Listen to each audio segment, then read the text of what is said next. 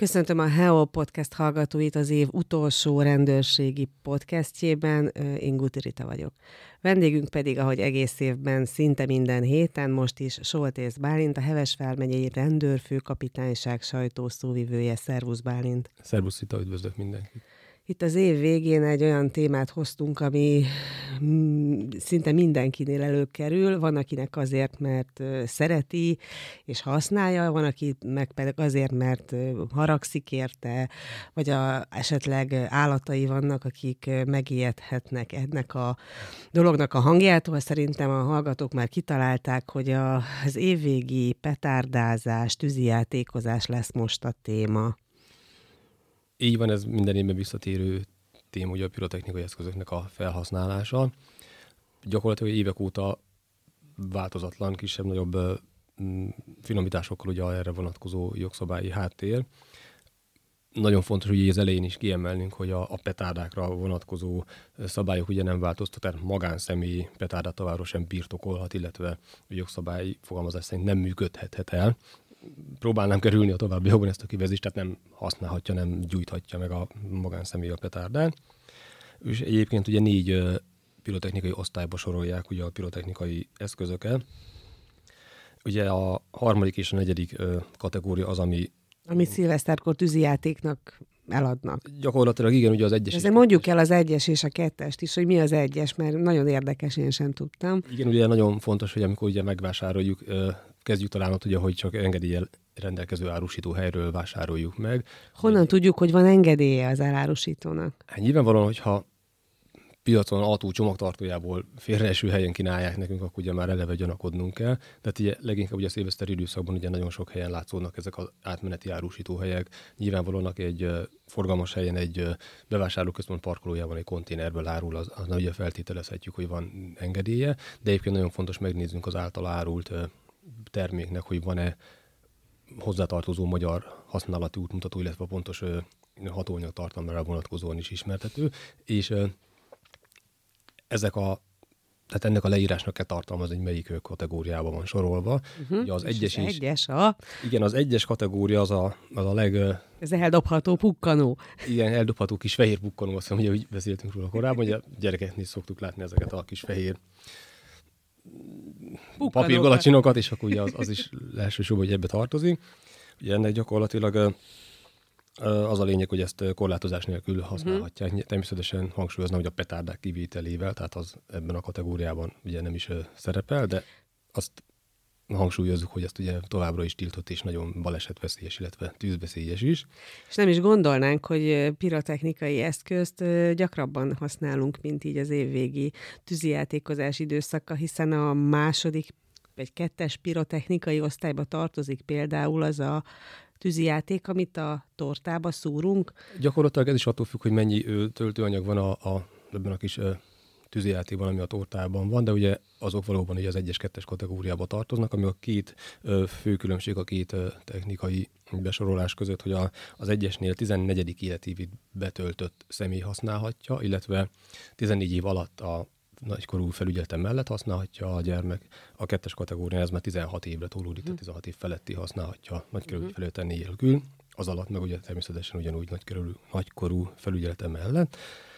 És ugye a, a hármas kategória, amit ilyenkor ugye mindenféleképpen érdemes említenünk, ezt ugye a jogszabály szerint ugye nagykorú személy az ebbe a hármas pirotechnikai osztályba tartozó tűzijáték terméket december 28-a és 31-e között megvásárolhatja, uh-huh. tárolhatja, illetve birtokolhatja, tehát uh-huh. ugye, ahol az egy, egyik a másikból adódik, és még nagyon fontos, hogy 3 kg nettó hatóanyag tartalomig, és ö, természetesen betartva messze menőleg a használati útmutatóban leírt tárolási, felhasználási feltételeket.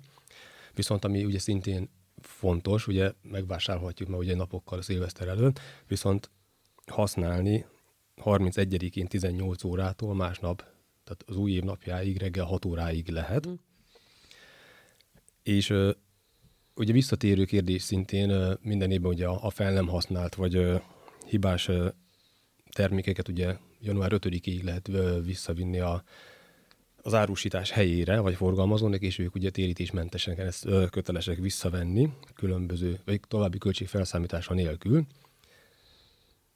Jellemző ez, hogy visszaviszik? Hát jellemzőben inkább az, hogy nem viszik vissza, de hát nyilván van erről a forgalmazók vagy a kereskedők tudnának pontosabb forgal, felszolgálni. Említetted most ezeket az időpontokat, amik között szabályosan föl lehet használni ezeket a pirotechnikai eszközöket. Ugye ez szilveszter, tehát december 31-e este 6 órától január 1-én reggel 6 óráig. Tapasztalataitok szerint betartják ezt az emberek, illetve kaptok-e ilyen jellegű bejelentéseket, hogyha valaki korábban elkezd durrogtatni, vagy ez nem jellemző? Jellemző, hogy már ugye korábban is, ugye, aki főleg nagyobb városokban él, ugye már korábban ugye hallják ezeket, vagy ugye később a, hogy ezeket a jellegzetes hangokat ugye a környezetükben. Jellemző egyébként, hogy ö, szoktak ilyen bejelentések is érkezni. Hát nyilvánvalóan a, a bizonyítási része, hogy ez most pontosan kihasználta fel, és ami nincs tetten ér, és addig ugye ezt nehéz bizonyítanunk. Itt azért a józan észre is erősen hagyatkoznunk kell, hogy hát nyilvánvalóan senki nem szeretne ebből sérülés, vagy másnak más állatának, ugye, ahogy beszéltünk is mm. róla, hogy leginkább ugye itt a házi állatokra gondolva sérülés, bármilyen tűzveszélyes helyzetet okozni. Tehát itt azért a józan bár ugye a szilveszter kapcsán a józan kifejezésről nehéz beszélni, de, de bízunk benne, hogy egy, egy, egy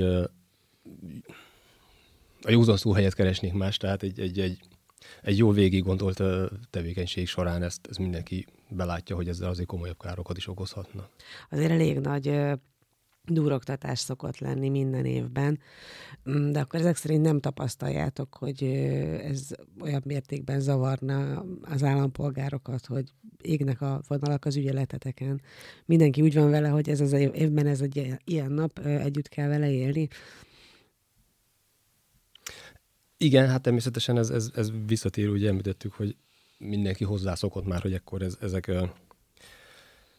az élveszter vele járói, illetve hát szintén nem beszéltünk róla, de ugye a, maga a, a legális idősában való felhasználáskor is természetesen nagyon tisztában kell ugye azzal lenni, hogy ezek ugye komoly égési sérüléseket, akár hmm. roncsolásokat is okozhatnak. Tehát ezek a tevékenységek ugye nem sérthetik, nem veszélyeztethetik emberek, állatok életét vagy testépségét, egészségét. Hát, illetve önmagunkra is vigyázzunk. Nyilvánvalóan az reméljük, hogy mondani se kell, ember, mások vagyonát, természeti épített környezetet sem sértheti, veszélyezheti, illetve egyéb vonatkozó tűzvédelmi szabályokat sem lehet meg, ö, megsértenünk, hát hm, természetesen. Gondolok, gondolok itt arra gondolnak, hogy bizonyos távolságot tartsunk például lakóépületektől. Így van, illetve hát azt is el kell mondanunk, hogy ugye nagyon fontos, hogy a magyar nyelvű használati útmutató legyen, hogy ezeknek ugye a legnagyobb részét ugye kültéri felhasználásra gyártották, így természetesen bízunk benne, hogy nem kell mondani, hogy ezt valóban kültéren használják fel, tehát nem mondjuk egy, egy fedett terasz alatt próbálják meg a, a játékot begyújtani. Sajnálatos módon ezzel is találkoztak már, ugye leginkább ez majd a katasztrófa védelemnek a, a területe lesz, az követően, hogy ilyen történik.